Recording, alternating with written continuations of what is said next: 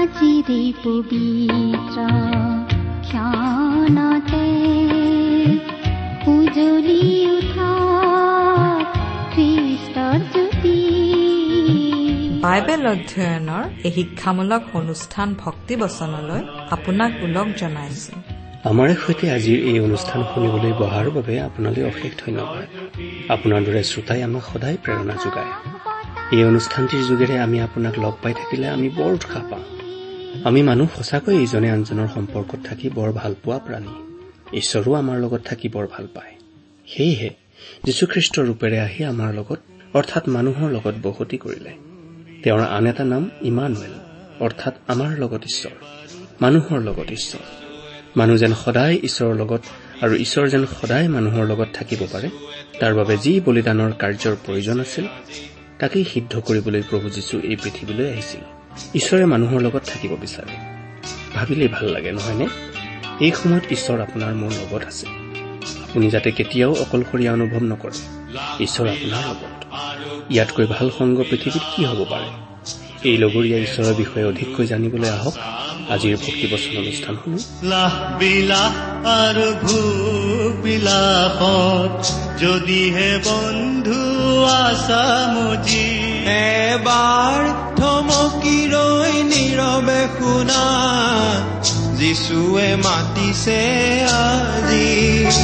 এবাৰ থমকি ৰৈ নীৰৱে শুনা যিচুৱে মাতিছে আজি।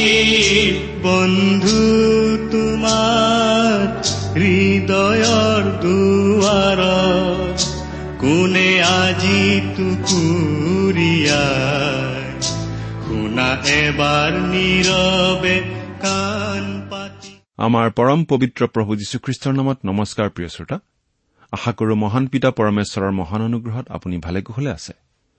আপুনি বাৰু আমাৰ এই ভক্তিবচন অনুষ্ঠানটো নিয়মিতভাৱে শুনি আছেনে?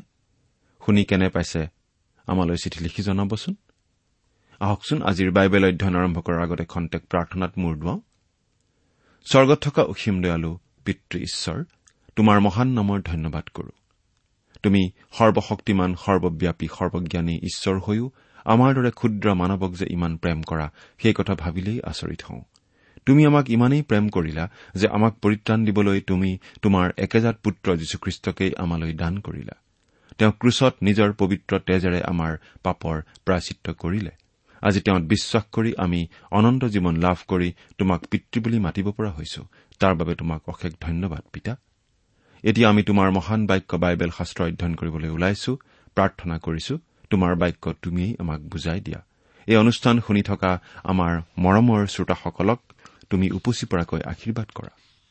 কিয়নো এই প্ৰাৰ্থনা আমাৰ মহান ত্ৰাণকৰ্তা মৃত্যুঞ্জয় প্ৰভু যীশুখ্ৰীষ্টৰ নামত আগবঢ়াইছো। আমেন।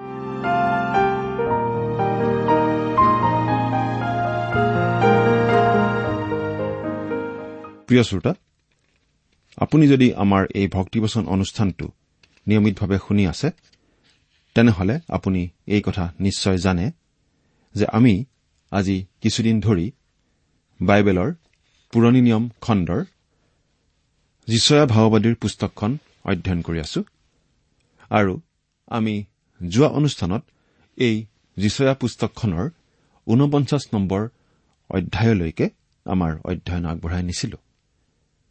আজিৰ অনুষ্ঠানত আমি এই যিচয়া পুস্তকৰ পঞ্চাছ আৰু একাৱন্ন নম্বৰ অধ্যায় দুটাৰ পৰা আলোচনা কৰিম। এই পঞ্চাছ নম্বৰ অধ্যায়ৰ বিষয়টো বৰ মন কৰিবলগীয়া বিষয়।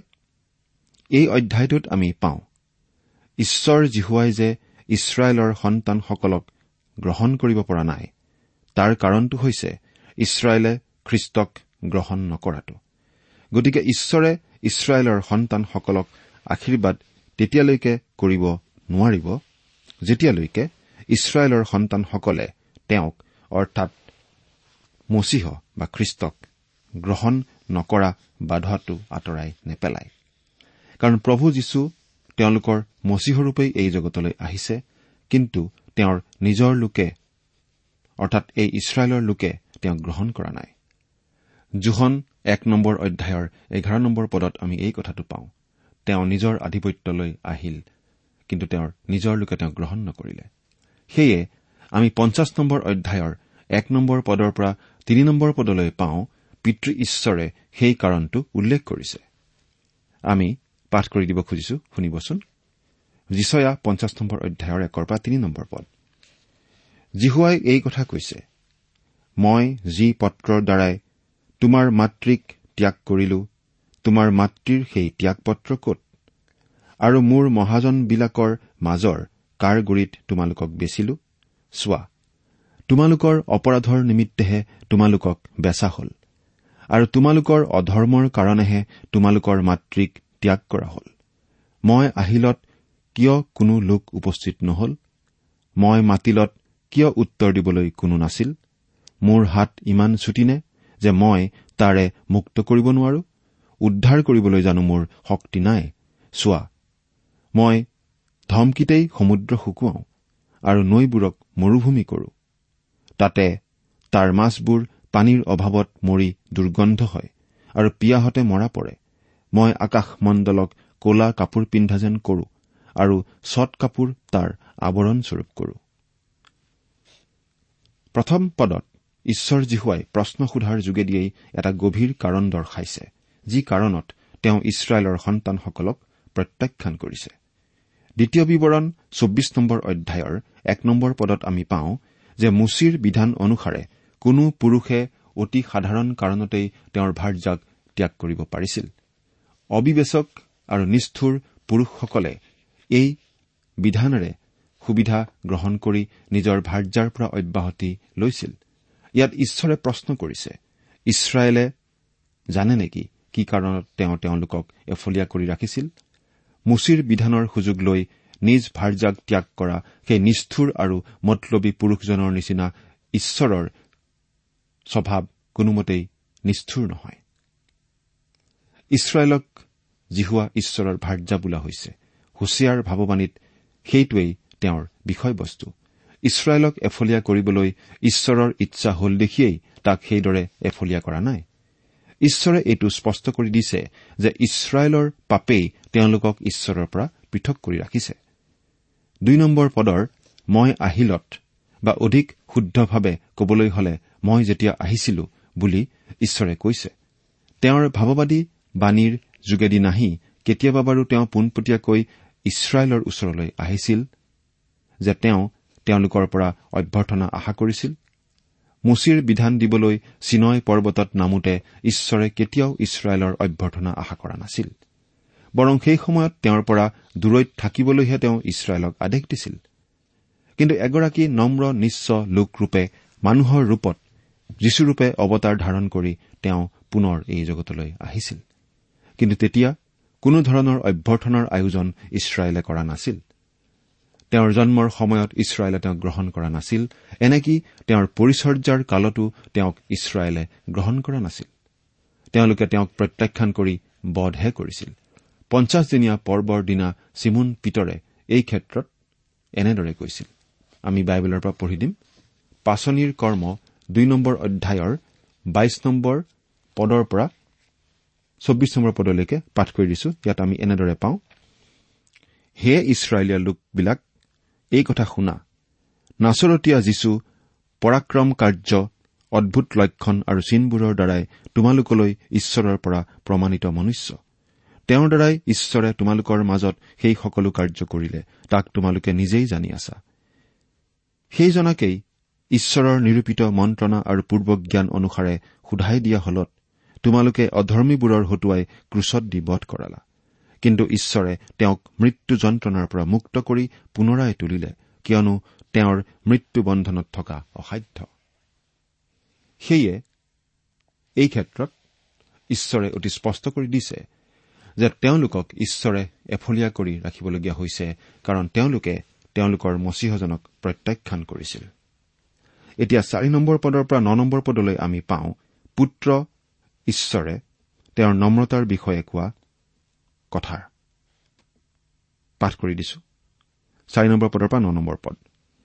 মই যেন ক্লান্ত হোৱা লোকক বাক্যেৰে সুস্থিৰ কৰিব পাৰো এই নিমিত্তে প্ৰভুজী হোৱাই মোক শিক্ষিত লোকৰ জীৱা দিলে।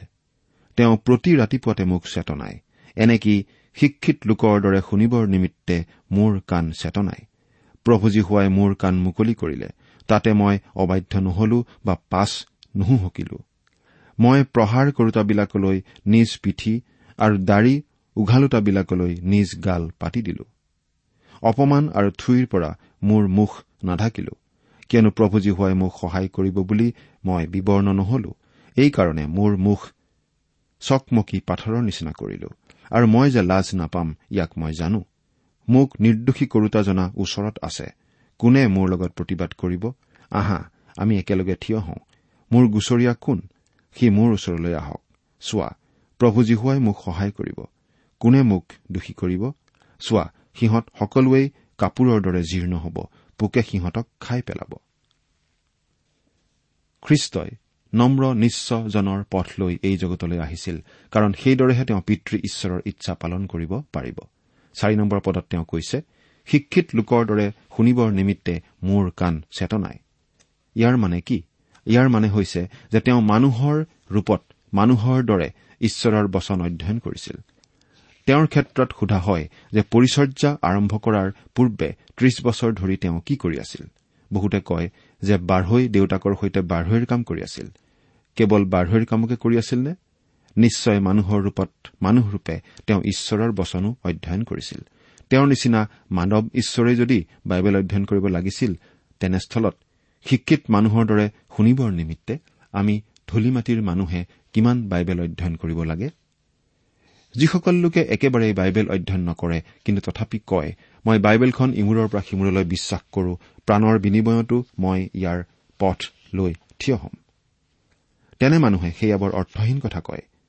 আমি যদি আদি পুস্তক এক নম্বৰ অধ্যায়ৰ এক নম্বৰ পদৰ পৰা প্ৰকাশিত বাক্যৰ বাইশ নম্বৰ অধ্যায়ৰ একৈশ নম্বৰ পদলৈ অধ্যয়ন কৰো তেতিয়া আদি পুস্তক এক নম্বৰ অধ্যায়ৰ এক নম্বৰ পদ আৰু প্ৰকাশিত বাক্য বাইশ নম্বৰ অধ্যায়ৰ একৈশ নম্বৰ পদৰ মাজত কৰবাত নহয় কৰবাত ঈশ্বৰে আমাক কথা কবই। আৰু ঈশ্বৰে যেতিয়া কথা কয় তেতিয়া আমি তেওঁৰ কথালৈ কাণ পাতিব লাগে। পাঁচ নম্বৰ পদৰ কথাষাৰ প্ৰভুৰ বৰ প্ৰয়োজনীয় কথা।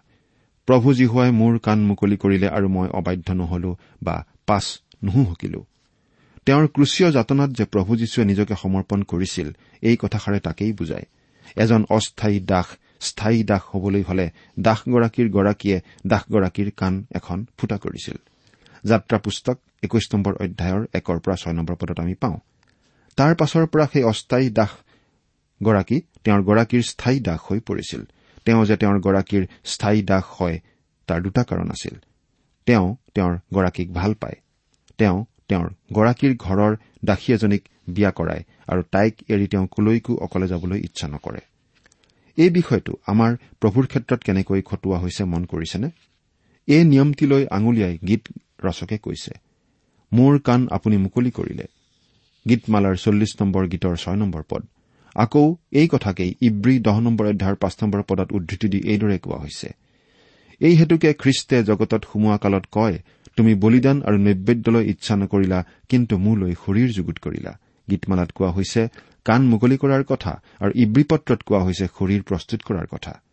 প্ৰভু যীশুখ্ৰীষ্ট যেতিয়া এই জগতলৈ আহিছিল আৰু আহি ক্ৰুচত উত্তোলিত হৈছিল তেওঁৰ কাণ মুকলি কৰা হোৱা নাছিল তেওঁক এক শৰীৰ দিয়া হৈছিল আৰু সেই শৰীৰটো ক্ৰুচবিদ্ধ কৰা হৈছিল। গজালে বিন্ধাৰ চিন লৈ তেওঁ আম্মিক শৰীৰেৰে স্বৰ্গলৈ গ'ল। কেৱল কাণ বিন্ধোৱাতকৈ অতি অধিক তেওঁ কৰিলে। ক্ৰুচবিদ্ধ হবলৈ তেওঁ নিজৰ শৰীৰকেই দান কৰিলে কাৰণ তেওঁ আমাক প্ৰেম কৰিলে আৰু আমাক এৰি তেওঁ স্বৰ্গলৈ নাযায়। ছয় নম্বৰ পদৰ কথাটো আখৰে আখৰে ঘটিছিল। সেই সময়ত যি সময়ত আমাৰ পৰিত্ৰতা প্ৰভু যীশুখ্ৰীষ্টক গ্ৰেপ্তাৰ কৰা হৈছিল মঠি মাৰ্ক আৰু জোহন এই আটাইকেইজনেই শুভবাৰ্তা লিখিছে যে তেওঁৰ মুখত থু পেলোৱা হৈছিল চাবুকেৰে কোবোৱা হৈছিল ভুকু মৰা হৈছিল প্ৰহাৰ কৰা হৈছিল। এইখিনি কথা ভাবিবলৈ টান লাগে। গাৰ বলেৰে আমি বেলেগ কথা ভাবিবলৈ ইচ্ছা কৰো। কিন্তু আমাৰ বেয়া লাগিলেও আমাৰ প্ৰভুলৈ কিন্তু এইখিনি আখৰে আখৰে ঘটিছিল। এতিয়া পঞ্চাছ নম্বৰ অধ্যায়ৰ সাত নম্বৰ পদৰ পৰা এঘাৰ নম্বৰ পদলৈ পাওঁ পবিত্ৰ আত্মা ঈশ্বৰে পুত্ৰ ঈশ্বৰত বিশ্বাস স্থাপন কৰিবলৈ পৰামৰ্শ দিয়াৰ কথা। পাঠ কৰি দিছো। কিয়নো মোক সহায় কৰিব বুলি মই বিৱৰ্ণ নহলো। এইকাৰণে মোৰ মুখ চকমকী পাথৰৰ নিচিনা কৰিলো আৰু মই যে লাজ নাপাম ইয়াক মই জানো। মোক নিৰ্দোষী কৰোতা জনা ওচৰত আছে। কোনে মোৰ লগত প্ৰতিবাদ কৰিব? আহা আমি একেলগে থিয় হওঁ। মোৰ গুচৰীয়া কোন? সি মোৰ ওচৰলৈ আহক। চোৱা প্ৰভু জীহুৱাই মোক সহায় কৰিব। কোনে মোক দোষী কৰিব? চোৱা সিহঁত সকলোৱে কাপোৰৰ দৰে জীৰ্ণ হ'ব। পোকে সিহঁতক খাই পেলাব। তোমালোকৰ মাজত জিহুৱাক ভয় কৰোতা তেওঁৰ দাসৰ বাক্যত মনোযোগ কৰোতা কোন মানুহ আছে?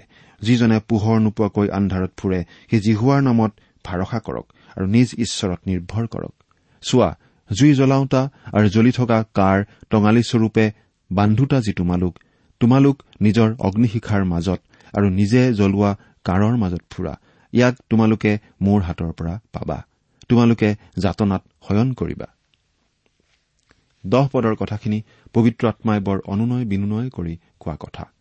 পবিত্ৰ আত্মাই বৰ বিনয়ীভাৱে পৰামৰ্শ দিছে যেন মানুহে ঈশ্বৰৰ পৰম দাসজনত আস্থা ৰাখে আৰু তেওঁত আশ্ৰয় লয়।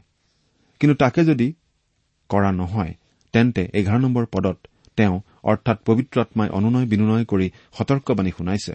তেওঁ সেইসকল লোকক সতৰ্ক কৰিছে যিসকলে নিজৰ জুইৰ পোহৰত ফুৰে কিন্তু জগতৰ প্ৰকৃত পোহৰজনক প্ৰত্যাখ্যান কৰে। প্ৰভুৰ পৰিত্ৰাণৰ কথাত আপুনি বা মই বা তেওঁ কি ভাবে সেয়া অনৰ্থক?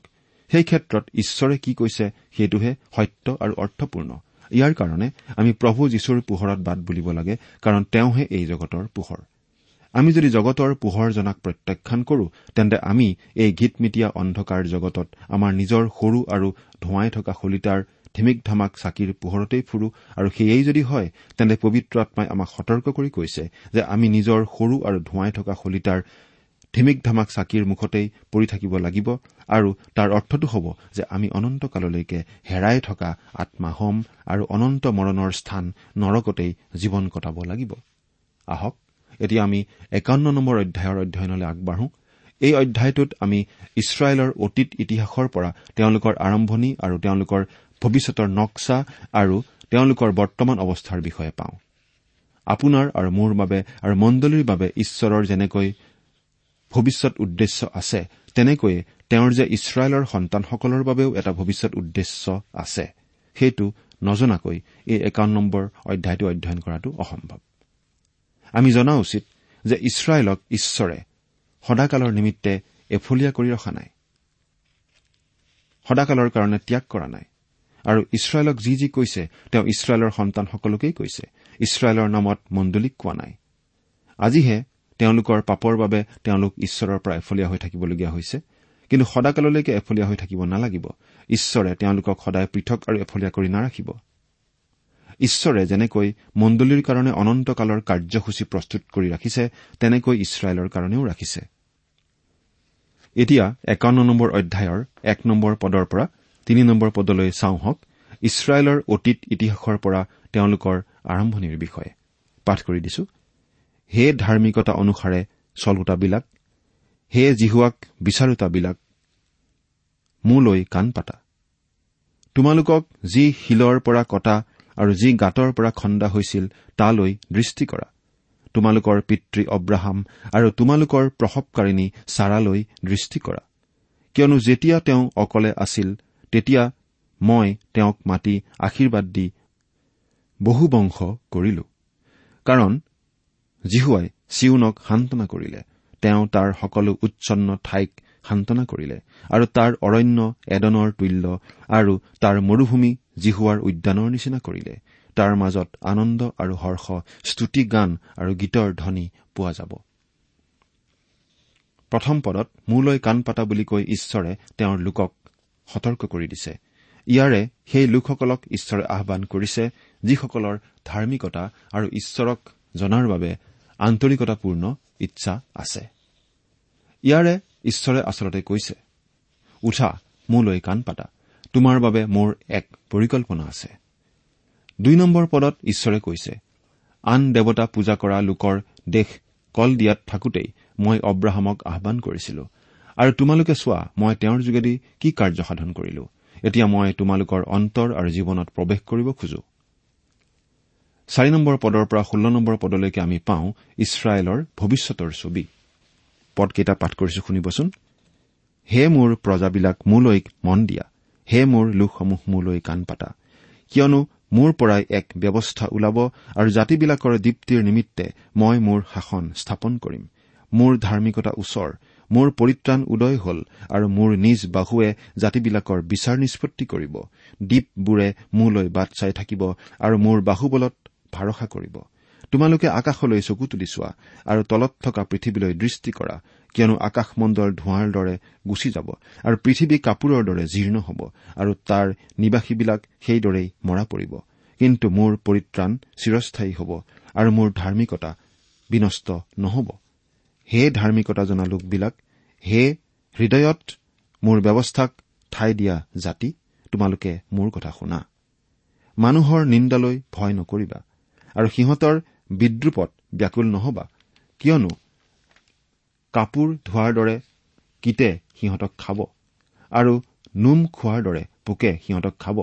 কিন্তু মোৰ ধাৰ্মিকতা চিৰস্থায়ী হ'ব আৰু মোৰ পৰিত্ৰাণ পুৰুষানুক্ৰমে থাকিব। হে জিহুৱাৰ বাহু সাৰ পোৱা সাৰ পোৱা বল বান্ধা। প্ৰাচীন কালত পূৰ্বপুৰুষবিলাকৰ পুৰাতন যুগত সাৰ পোৱা নিচিনাকৈ সাৰ পোৱা। ৰাহবক দুখৰ দুখৰকৈ কটা আৰু নাকটোক খোচা বাহু তুমি নোহোৱানে? সমুদ্ৰক মহাজলসমূহক শুকোৱা? মুক্তবিলাক পাৰ হৈ যাবৰ নিমিত্তে অগাধ সাগৰক পথ কৰা বাহু তুমি নোহোৱানে? জিহুৱাৰ দ্বাৰাই নিষ্ঠাৰ পোৱা লোকবিলাক ওলটি আহিব আৰু আনন্দ গানেৰে চিউন পাবহি। তেওঁবিলাকৰ মূৰত চিৰস্থায়ী আনন্দৰূপ মুকুট থাকিব। তেওঁবিলাকৰ উল্লাস আৰু আনন্দ হ'ব। সুখ আৰু হুমুনিয়াহ দূৰলৈ পলাই যাব। মই ময়েই তোমালোকক সান্তনা কৰোতা তুমি কোন যে মৰ্ত লোকলৈ আৰু যাক তৃণৰ দৰে কৰা হ'ব এনে মনুষ্য সন্তানলৈ ভয় কৰিছা? আৰু যিজনাই আকাশমণ্ডল বিস্তাৰ কৰিলে আৰু পৃথিৱীৰ মূল স্থাপন কৰিলে তোমাৰ নিৰ্মাণকৰ্তা সেই জিহুৱাক তুমি পাহৰিছা? আৰু তুমি কোন যে উপদ্ৰৱ কৰোতাই বিনষ্ট কৰিবলৈ যুগতে আছে বুলি তাৰ ক্ৰোধৰ কাৰণে তুমি ওৰে দিনটো সদায় ভয় কৰিছা? সেই উপদ্ৰৱকাৰীৰ ক্ৰোধ কতা? বন্দিয়াৰ লোকক শীঘ্ৰে মুকলি কৰা হ'ব। সি নমৰিব গাঁতলৈ নাযাব আৰু তাৰ আহাৰৰ অভাৱ নহ'ব। চাৰি নম্বৰ পদত মোৰ প্ৰজা বুলি কৈ ঈশ্বৰে তেওঁৰ ইছৰাইলক বুজাইছে। জাতিটোৰ দীপ্তিৰ নিমিত্তে যে ঈশ্বৰে শাসন স্থাপন কৰিব সেইটোৱেই বাস্তৱিকতে জাতিটোৰ ভৱিষ্যতৰ এটা বৃহৎ আশা। পাঁচ নম্বৰ পদৰ মোৰ ধাৰ্মিকতা বুলি কৈ ঈশ্বৰে প্ৰভু যীশুখ্ৰীষ্টৰ কথাকেই বুজাইছে। কাৰণ খ্ৰীষ্টকেই আমাৰ ধাৰ্মিকতা কৰা হৈছে। দ্বীপবাসীসকলকো তেওঁ কৈছে মোৰ সৈতে যি পৰিত্ৰাণ আছে সেই পৰিত্ৰাণ তোমালোকলৈকো পঠাই দিম। এই পদত উল্লেখিত ঈশ্বৰৰ বাহুৰ অধিক কথা তেপন্ন নম্বৰ অধ্যায়তো আমি পাম। সেই বাহুৰ দ্বাৰাই যি মুক্তি প্ৰকাশিত হ'ব লাগে সি খ্ৰীষ্টৰ যোগেদিয়েই জগতত প্ৰকাশিত হ'ল। সেয়ে তেওঁ এই বাণী চাৰিওফালে পঠিয়াই দি ইছৰাইলক জনাই দি কৈছে যে খ্ৰীষ্টৰ যোগেদি তেওঁৰ বাহুৱে তেওঁলোককো মুক্ত কৰিব। এঘাৰ নম্বৰ পদত চিউন বুলি কৈ তেওঁ ভৌগোলিক স্থান চিউনৰ কথাকেই কৈছে। ইয়াত চিউন মানে কোনো আধ্যামিক অৰ্থৰ প্ৰতীকৰূপে দেখুওৱা হোৱা নাই। চৈধ্য পোন্ধৰ পদত ঈশ্বৰ ইছৰাইলক কৈছে যে তেওঁ যেনেকৈ পৃথিৱীৰ এটা সীমাৰ পৰা অব্ৰাহামক আনিছিল তেনেকৈয়ে তেওঁলোককো এটা মূৰৰ পৰা তেওঁলোকৰ স্বভূমিলৈ লৈ আহিব। জিৰিমিয়া তেইছ নম্বৰ অধ্যায়ৰ আঠ নম্বৰ পদত জিৰিমিয়াই তাকেই কৈছে। পদটো পঢ়ি চাব। জিৰিমিয়া তেইছ অধ্যায় আঠ নম্বৰ পদ। আকৌ কৈ দিছো। জিৰিমিয়া তেইছ অধ্যায় আঠ নম্বৰ পদ। ইছৰাইলৰ ভৱিষ্যত মুক্তি ইমানেই মহান হ'ব যে তেওঁলোকে মিছৰৰ পৰা পোৱা মুক্তিৰ কথা সোঁৱৰণকেই নকৰিব। ঈশ্বৰে ইছৰাইলক কৈছে উঠা শুনা মই তাকে কৰিবলৈ ৰৈ আছো। এতিয়া এই একাৱন্ন নম্বৰ অধ্যায়টোৰ শেষ অংশত আমি পাওঁ ইছৰাইলৰ বৰ্তমানৰ অৱস্থা। ইছৰাইলৰ বৰ্তমান অৱস্থাৰ পৰা আমি জানো যে ঈশ্বৰে আমাক এতিয়াও সাৰ পাই উঠিবলৈ কৈ আছে। তেওঁলৈ কাণ পাতিবলৈ আহান কৰি আছে। জিৰচালেম যে থলং পলং অৱস্থাত আছে সেই কথা জিৰচালেমলৈ চাব জনা লোকে চালে সহজেই বুজি পাব। সেয়া ঈশ্বৰৰ মনোনীত স্থান। সেয়া ডায়ুদ ৰজাৰো প্ৰিয় স্থান। আৰু জিৰচালেম শব্দৰ অৰ্থই হৈছে শান্তিৰ নগৰ। কিন্তু জিৰচালেমত আজি শান্তি আছে নে নাই সেই বিষয়ে খবৰ ৰখা সকলো লোকেই ক'ব পাৰিব। কিন্তু বৰ্তমান ইয়াৰ অৱস্থা যেনেকুৱাই নহওক কিয় ঈশ্বৰে শেষৰ কালত বাস্তৱ অৰ্থতেই ইয়াক শান্তিৰ নগৰ ৰূপে গঢ়িব আৰু ই হ'ব আটাইতকৈ সুন্দৰ নগৰ। বাইশ নম্বৰ পদত কোৱা হৈছে যে এতিয়া ইছৰাইলে ঈশ্বৰৰ ক্ৰোধৰ কাপ হাতত তুলি লৈ পাণ কৰি আছে। কিন্তু প্ৰভুৰ দিনা ক্ৰোধৰ সেই কাপ তেওঁলোকৰ পৰা আঁতৰোৱা হ'ব। শেষত তেইছ নম্বৰ পদত কোৱা হৈছে যে ইছৰাইলৰ শত্ৰু জাতিসকলে ঈশ্বৰৰ সুদবিচাৰৰ পৰা কোনোমতে ৰক্ষা নাপাব। এই ভাৱবাণীয়ে ইছৰাইলৰ শত্ৰু জাতিসকলক সজাগ হোৱাত সহায় কৰিব আৰু ইছৰাইলক সান্তনা দান কৰিব। ধন্য হওক সেই মহান ঈশ্বৰৰ নাম। সেই ঈশ্বৰক আপুনি বাৰু নিজৰ পিতৃৰূপে গ্ৰহণ কৰিছেনে? প্ৰভু যীশুখ্ৰীষ্টক নিজৰ ত্ৰাণকৰ্তা বুলি গ্ৰহণ কৰি সেই ঈশ্বৰক আপুনি আজিয়েই পিতৃ বুলি মাতিব পৰা হ'ব পাৰে। ঈশ্বৰে আপোনাক আশীৰ্বাদ কৰক। আহমেন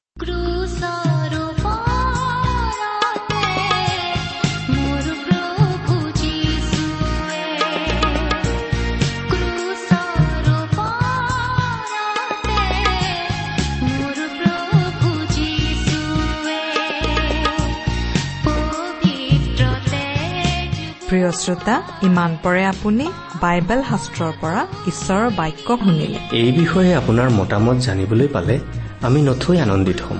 আমি প্ৰস্তুত কৰা বাইবেল অধ্যয়নৰ চিডিসমূহ পাব বিচাৰিলে আৰু অনুষ্ঠানত প্ৰচাৰ কৰা কোনো কথা বুজিব লগা থাকিলেও আমালৈ লিখক। আমাৰ যোগাযোগৰ ঠিকনা ভক্তিবচন ট্ৰান্সৱৰ্ল্ড ৰেডিঅ' ইণ্ডিয়া ডাক বাকচ নম্বৰ সাত শূন্য গুৱাহাটী সাত আঠ এক শূন্য শূন্য এক। ঠিকনাটো আকৌ এবাৰ কৈছো।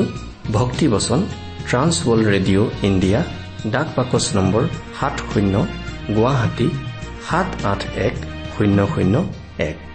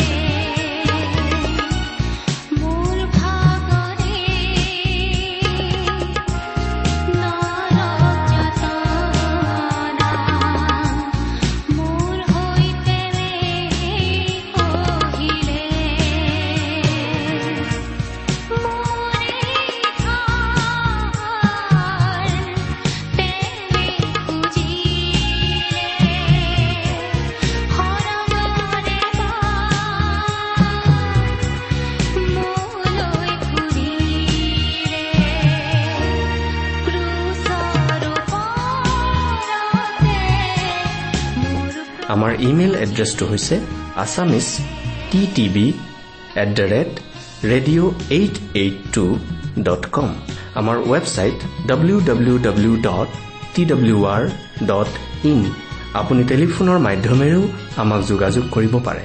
আমাৰ টেলিফোন নম্বৰটো হৈছে nine eight five four zero' four zero' eight eight nine. Phone নম্বৰটো আকৌ এবাৰ কৈছো ন আঠ পাঁচ চাৰি শূন্য চাৰি শূন্য আঠ। আঠ ন। আপুনি এই ভক্তিবচন অনুষ্ঠানটি আমাৰ website W W W dot radio' eight eight two dot কমতো শুনিব পাৰিব। আজিৰ অনুষ্ঠানটি ইমানতেই সামৰিছো। ঈশ্বৰৰ শান্তি আৰু অনুগ্ৰহ আপোনাৰ লগত থাকক। ধন্যবাদ।